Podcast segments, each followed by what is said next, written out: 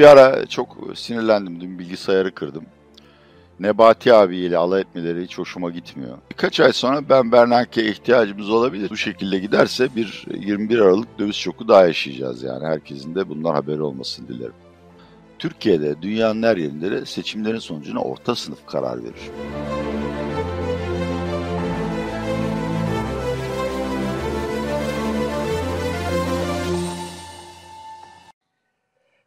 Atiye Bey merhaba, hoş geldiniz. Merhabalar Semih, merhabalar değerli Mesele Ekonomi izleyicileri ve sevgili ekip arkadaşlarım. Nasılsınız, iyisiniz? Çok iyiyim, evet. Ee, bir ara çok sinirlendim, dün bilgisayarı kırdım. Nebati abiyle alay etmeleri hiç hoşuma gitmiyor. Yani gerçekten bir devlet insanı olmanın yanında aynı zamanda da ekonomide çığır açan müthiş bir deka, deha. Ama Bülent Arınç bile epistemolojik şekilde alay etti. Ben bunu kaldıramıyorum ya. Yani Türkiye kaliteli insanlarına böyle davranırsa hepsi kaçar tabii. Tabii beyin göçü değil mi? Nebati Bey de e, beyin göçüne maruz kalabilir. Yani bir de Nebati Bey'in beyni göçerse yani Türkiye göçer. Her şey göçer. Aynen öyle. Tişört yeni mi? Çok güzelmiş. Evet, zamanın ruhunu yansıtıyor diye aldım. Azrail'in bir deyimi, insanlarla çalışmaya bayılırım diye. Mesaj mı var? Subliminal mesaj mı veriyorsunuz yoksa? Süleyman Söyleye, Söyleye, Soylu'ya hediye etmeyi düşünüyorum. Çok tehlikeli sularda yüzüyorsunuz bugün Atiga Bey. Valla son bir hafta işte Cumhurbaşkanımız yasayı imzalar imzalamaz hepimiz susacağız mecburen tabii. Şimdi Atiye Bey bugün ben esasında iktidar tarafına geçeceğim e, ve e, oradan bazı argümanları size, size soracağım. E, siz ve sizin gibi muhalif iktisatçıların, ekonomistlerin e, söylediği bazı şeylere Cumhurbaşkanı Erdoğan e, şapkadan tavşanlar çıkartarak cevap mı verdi diye soracağım. Ama önce biliyorsunuz Nobel Ekonomi Ödülü açıklandı 2022 sahibini buldu. Üç evet. isim kazandı ama tabii ki en ünlü isim ABD eski Merkez Bankası FED Başkanı Ben Bernanke. Aralarında bunu üç, isim, üç isim kazandı. E, bir şey söylemek ister misiniz Bernanke? Malum 2008 krizinin de e, krizindeki en önemli figürdü belki de kendisi. Evet, e, ben diğer iki akademisyenin araştırmalarını bilmiyorum. Ben Bernanke'yi bayağı okudum çünkü benim de aslında uzmanlık dalım mali krizlerdir. Gerçekten çok önemli katkılar yaptı. E, şöyle kısaca söyleyeyim. Neoklasik teoride mali krizlere yer yoktur. Hyman Minsky diye bir dev bir ekonomist var. Onu da birkaç defa tanımak fırsatı buldum. Bu 2008 krizini en iyi anlatan araştırmaları o yapmıştır. İşte o yüzden de zaten 2008'e pek çok uzman Miski anı yani bütün dünyanın Miski'yi dinlediği an der. Bernanke de bunun üzerine çalışmalar yaptı. Ben başarılı bir Merkez Bankası Başkanı olduğunu düşünüyorum. Şu anda gerek e, şu andaki Merkez Bankası Başkanı, gerek Bernanke, gerek Yellen, gerek Avrupa Merkez Bankası herkes eleştiriyor ama bu yani aynadan arabanın arkasına bakmaya benziyor. İnsanlar e, kriz anında e, ellerindeki imkanlarla neler yapabildikleriyle ölçülmelidirler. Ve onlar da o anda dünya kapitalist sistemini çökmekten kurtardı. Doğru bunun bir bedeli vardı. O da aşırı para basmak oldu. Şu anda da çok fazla mı parasal sıkılaştırma yapılıyor? Yoksa e, yetersiz mi? Bütün bunlar tartışmaya açıktır. Ama bir eldeki veriler tersini söylemesine rağmen yapılan hatalar var. Kişiliksel hatalar, ego hataları veyahut da bilgi eksikliği hataları. Bir de gelecek çok belirsiz olduğu için yaptığınız şeylerin e, öngörülemeyen yan etkilerini hesaplayamamak var. Ben Merkez Bankası hatalarını bu ikinci sınıfa koyuyorum. Dolayısıyla e, Bernanke'nin de başarılı bir Merkez Bankası Başkanı olduğunu düşünüyorum. Peki o zaman şimdi mesela Cumhurbaşkanı olsanız veya başkan Yeşilada olsanız Bernanke'yi mi getirirsiniz yoksa Kavcıoğlu'na görevi devam ettirirsiniz Türkiye Cumhuriyeti Merkez Bankası? Birkaç ay sonra ben Bernanke'ye ihtiyacımız olabilir. Çünkü e, sevgili hükümetimiz bu şekilde giderse bir 21 Aralık döviz şoku daha yaşayacağız. Yani herkesin de bundan haberi olmasını dilerim. Peki e, bu döviz şokunu ne zaman yaşayacağız? Var söyleyin de ona göre kendimizi korumaya yararım. Şimdi biz e, ekonomistlerle kuantum fiziği yapanlar arasında bir benzerlik var. biz bir elektronun ne yöne gittiğini e, veyahut da hızını belirleyebiliriz ama ikisini birden belirleyemeyiz ya da öyle bir şey sanki kuantum fiziğinden anlıyormuş. yani ne yöne gittiğimizi biliyorum e, ama zamanlamayı bilmiyorum açıkçası.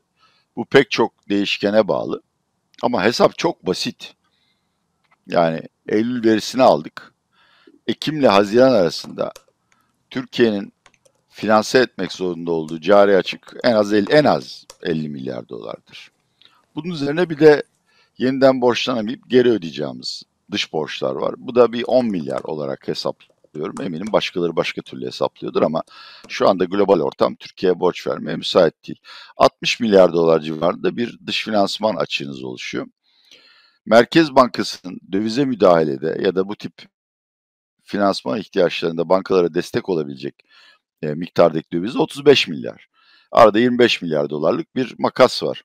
Ha eğer bunun hakikaten Rusya'dan geleceğini ve eğer böyle bir şey olursa Batı'nın yaptırım uygulamayacağını düşünüyorsanız o zaman idare ederiz. Ama aksi halde iki şeyden biri olacak. Ya yine 21 Aralık'ta olduğu gibi Türk lirasının neredeyse yarıya katla, yarıya düştüğünü göreceğiz değer olarak ya da uzun sürede söylediğim gibi işte yani bireylerin döviz işlemlerini kısıtlamalar gelecek. Zaten Türkiye bugün yani bugün e, çarşamba değil mi çocuklar? Türkiye'de miyiz? Hangi gezegendeyiz? Evet, çarşamba Türkiye'deyiz.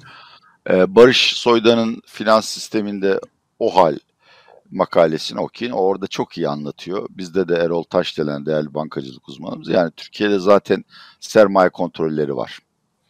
Ee, bunlar bile yetmiyor. Buna rağmen e, sürekli bir gerek dış ticaretten gerek e, işte portfolyo tercihleri nedeniyle sürekli bir döviz talebi var. Engelleyemiyorlar. Bunun üstüne bir de bilmiyorum bu yayında konuşacak mıyız? Bol miktarda para harcayacaklar seçim kazanmak için. Onun da bir kısmı döviz talebine dönün. Onun da bir kısmı döviz talebine dönecek. Dolayısıyla içinden çıkılmaz bir ortamdayız yani. Hani e, Şimdi... kışı atlatabilirler mi emin değilim açık konuşmak gerekirse. Hele bir de e, Rusya yaptırımları ilgili şey Rusya yaptırımlarının delinmesine yardımcı olduğumuza dair doğru veya yanlış bir suçlamayla yaptırımlara uğrarsak kesinlikle bir döviz şoku yiyeceğiz. Ne diyeyim? İnşallah yemeyiz. Şimdi e, Atilla Bey biraz önce bahsettiğiniz konularda biraz da madde madde gitmek istiyorum. E, ilk başta söylediğim gibi e, sonuçta seçim yaklaşıyor. Herkes oy tercihini e, belirleyecek. O yüzden biraz da e, Cumhur İttifakı veya AKP tabanındaki bir vatandaşın size bazı sorular olacak. Ben o vatandaşım şu anda. Ee, kısa kısa cevap verirseniz çok teşekkür ederim. Çok da kısa olmasına gerek yok da yani e, konular birbirine girmesi diye söylüyorum. Hazırsanız ilkini sor soruyorum. Lütfen. Ee, Atiye Bey sürekli ödeme dengesi kriz dediniz. Cari açık artıyor, rekor kuruyor dediniz ki doğru. Cari açık gerçekten artıyor. Finanse edemez bu dediniz. Ama net hata noksanla da olsa biz bu cari açığı finanse ediyoruz. Bu konuda Cumhurbaşkanı Erdoğan'ı takdir etmez misiniz? Yani dışarıdan bu kadar para geliyor ama yine 21 Aralık'ta KKM çıkmasından sonra 11 liraya inen dolar TL bugün yine 18.60. Dolayısıyla onda da başarı o para etmedi. Ee, ikincisi bu politikaların hiçbir anlamı yok. Dövizi kontrol edeceğim derken Türkiye'nin kredi mekanizmasını tamamen bozdunuz. Dövize gidecek diye insanlara kredi vermiyorsunuz ve üretim sektörü ağır bir baskı altında. İşte nitekim bugün sanayi üretimini gördük. Daha Ağustos'ta yıllık bazda yüzde bire gerilemiş. Üçüncüsü ya bu net hata noksan ya da işte menşei bilinmeyen e, girişler Sayın Erdoğan'ın maharetiyle veyahut da ona duyulan sevgiden dolayı dış dünyadan bize emanet edilen para değil ki bunların sebepleri basit. İyi bir turizm sezonu yaşadığınızda bunun tortusu kalır. Yani devlete bildirmeyen turizm gelirleri vardır. İkincisi de bu Ukrayna Savaşı patlak verdiğinde yüzlerce belki binlerce küçük ve orta boylu Rus işletmesinin sahibi bavullarla döviz toplayıp Türkiye'ye geldi, şirket kurdu. Ama bunların ikisi de geçicidir. Ee, yani kış aylarına geldiğimizde o turizmin tortusu bitecek ve Rusya'dan da gelen geldi. Hani 1-2 milyar dolar daha gelir. Ondan sonrası gelmez. Dolayısıyla e, o yani hani başkalarının sadakasına veyahut da gökten inecek mucize güvenerek cari açın finanse edilmesini beklemek akla ve mantığa sığmaz. Peki ikinci soruya geçiyorum vatandaşımızın. alım gücü düşüyor dediniz. Sürekli zam, zam, zam. Enflasyon da yükseliyor. Ama perakende satış bugün açıklandı. Yükseliyor. E, yıl başında tekrar çok yüksek ücret zam olacak. Asgari ücret başta olmak üzere. Ücrette zam yapılacak. Maaşlara zam yapılacak. E, düşen alım gücü bu şekilde telafi ediyor. Bu da bir başarı değil. Atilla Bey. Şimdi çok güzel bir tartışmaya değindin. Gerçekten Ağustos perakende satışları yani reel bazda 3 %3,5 falan arttı aylık. Gerçekten başarılı bir rakam. Ve bu da bizi başka bir tartışmaya getiriyor. O da şu, Eylül'de bazı anketlere göre, hepsine göre değil, Sayın Erdoğan'ın onaylanma oranı ve AKP-MHP ittifakının e, oy oranları yükselmiş. Yani daha fazla yükselmesi gerekirdi ve tüketimin daha fazla artması gerekirdi. Sebebini de söyleyeyim. 2019 yazından bu yana Türkiye ekonomisi en şaşalı dönemini yaşadı kardeşim. Turizm rekorlar kırdı. Dediğim gibi de bunun tortusu var. Belki bir buçuk milyondan fazla istihdam yarattı. Bunun da ötesinde Temmuz başında çok güzel yani yeterli olmasa bile zam yapıldı. Mayıs ve Temmuz'da bayram ikramiyeleri dağıtıldı ve millet de Ağustos ayında bunu harcadı. Eylül ayında da harcar. Oldu. Ekim'de iş tüketimin yavaşladığını görürüz. Kasım Aralık'ta da gerilemeye başladığını görürüz. Yılbaşına yeniden zam yapıyorsunuz. Tabii ki bu bir ay e, Sayın Erdoğan'a teveccühü arttırır. Ama her ay cebinize giren paranın enflasyon tarafından çalındığını göreceksiniz. Ben niye minnet edeyim ki Sayın Erdoğan'a? İnsanlar şunu görüyorlar. Ortada bir hükümet var. Bütün imkanlarını seferber etti. Vatandaşın cebine para koyacak. E cebine para koyulan her insan da mutlu olur. Ve karşılığını vermek ister. Karşılığı da oy. Bu tarafına hiçbir itirazım yok. Ama denklemin öteki tarafını görmüyorlar Semih. Sen benim cebime para koydun. Ben bunu ne yapacağım? Harcayacağım. Harcadığım zaman ne olacak? Fiyatlar artacak. Bir şey daha olacak. Türkiye'de ne tüketsen içinde enerji var, ithal girdi var. İthalat artacak.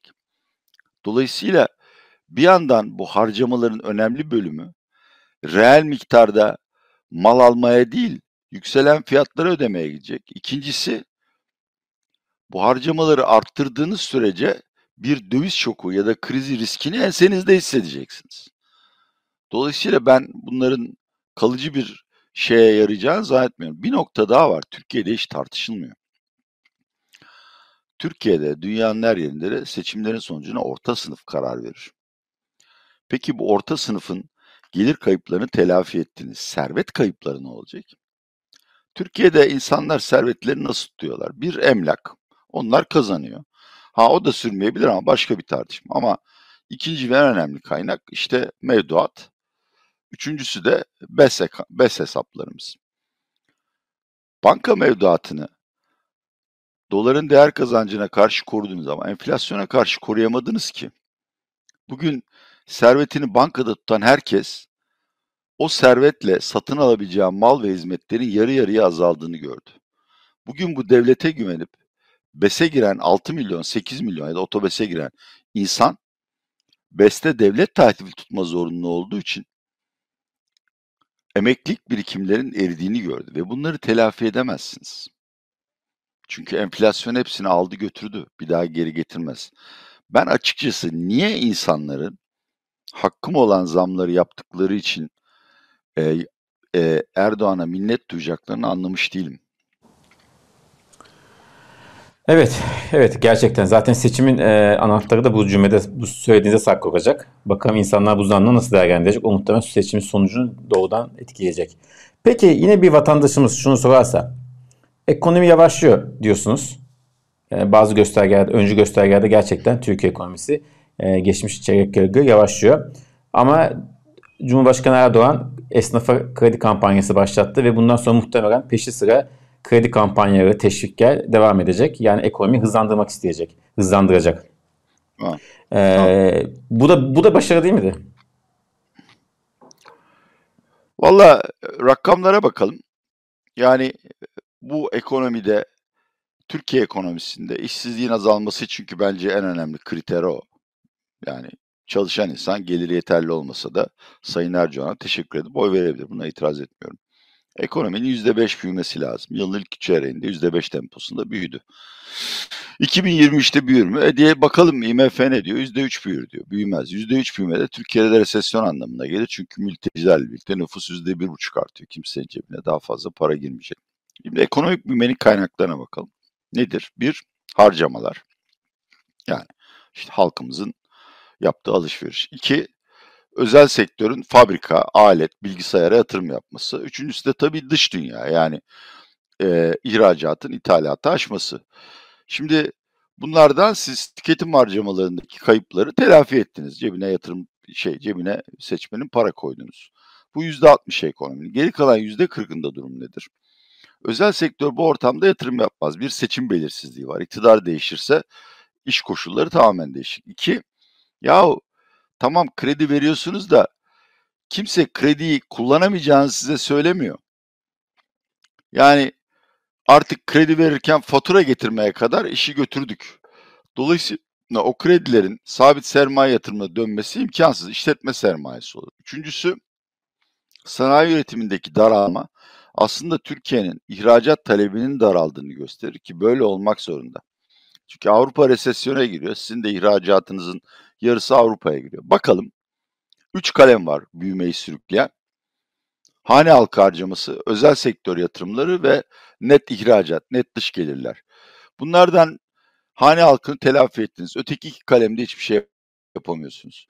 Bu tabii ki toplam gelirin umulandan çok daha az büyümesine sebebiyet verir. Toplam gelir düşük büyüdüğü zaman da ve özel sektör yeni yatırım yapmadığı zaman da istihdamı arttıramazsınız. Sonuçta size oy verenler yalnız iş gücü olup gelirleri veyahut da emekli maaşlarını telafi ettiğiniz kişiler değil. Ağustos'ta bile TÜİK verilerine göre ki artık yani en, herhalde istihdamın en şaşalı olduğu ay. Çalışabilen ve çalışmak isteyen nüfusun %18.8'i ya işsizliğe yeteri kadar çalışamıyordu. E şimdi bu kış aylarında daha iyi gitmeyecek ki Semih. Kış aylarında sanayi başta olmak üzere çok ciddi istihdam kayıpları yaşayacağız. Allah göstermesin Covid bir daha vurursa ki dünyanın her yerinde vakalar yükseliyor. O zaman hizmet sektöründe çok sert istihdam kayıpları yaşayacağız. Özetle tamam siz bozulan ekonomideki gidişatı toparlamak için bir şeyler yapıyorsunuz. Daha fazlasını da yapacaksınız.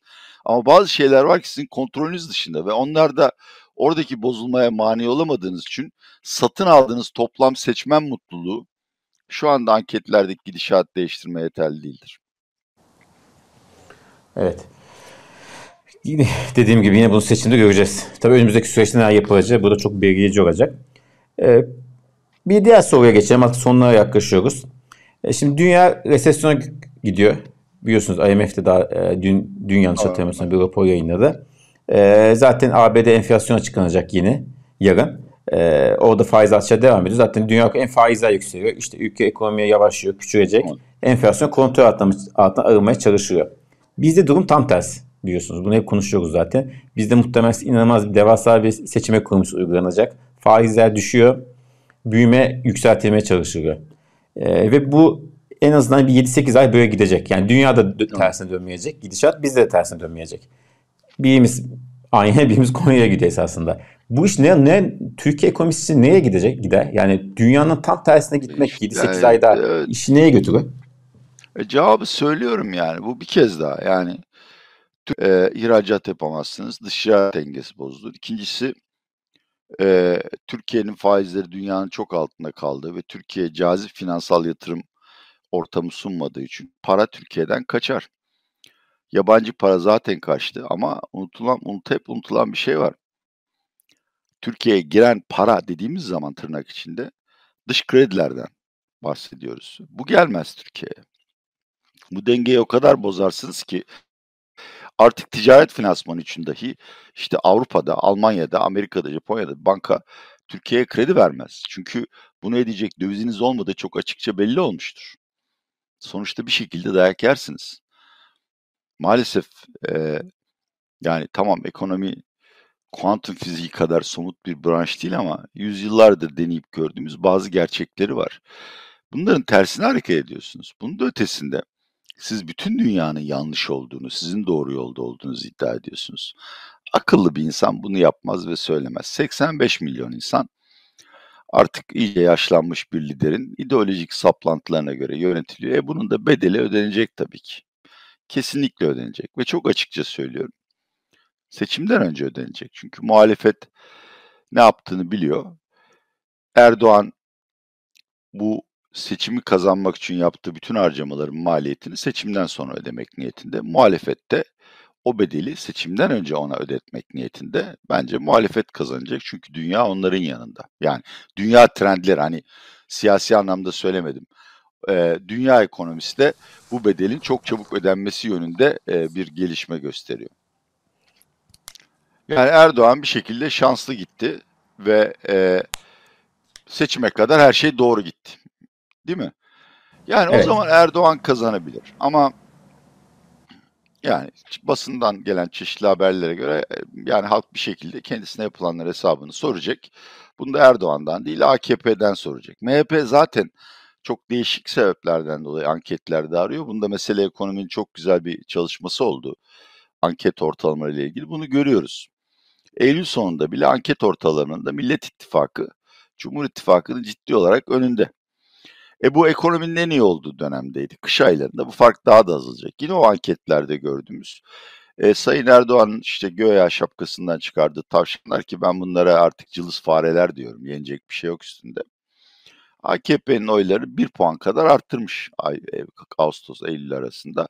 Ama MHP'nin oylarına hiç fare etmemiş. Dolayısıyla her şeyin iyi gittiği senaryoda evet Sayın Erdoğan kazanabilir. Bir şey diyemem. Ya bunun tersini iddia edecek empirik kanıt yok elimde. Ama bence parlamento seçimleri bitti artık. Dolayısıyla Türkiye e, birinci olasılık yeni bir iktidar hazırlanmalı. İkinci olasılık Sayın Erdoğan'ın e, Cumhurbaşkanı muhalefetin de parlamentoda onu engelleyici, veto edici rol yaptığı yeni bir düzene hazırlanmalı. Bu ikincisi bence ekonomik açıdan e, bir çöküştür. Çünkü Erdoğan her istediğinin tersinde parlamento yasa çıkaracak ve Türkiye felç olacak. Yalnız bürokrasi ve yargı değil iş dünyası da felç olacak.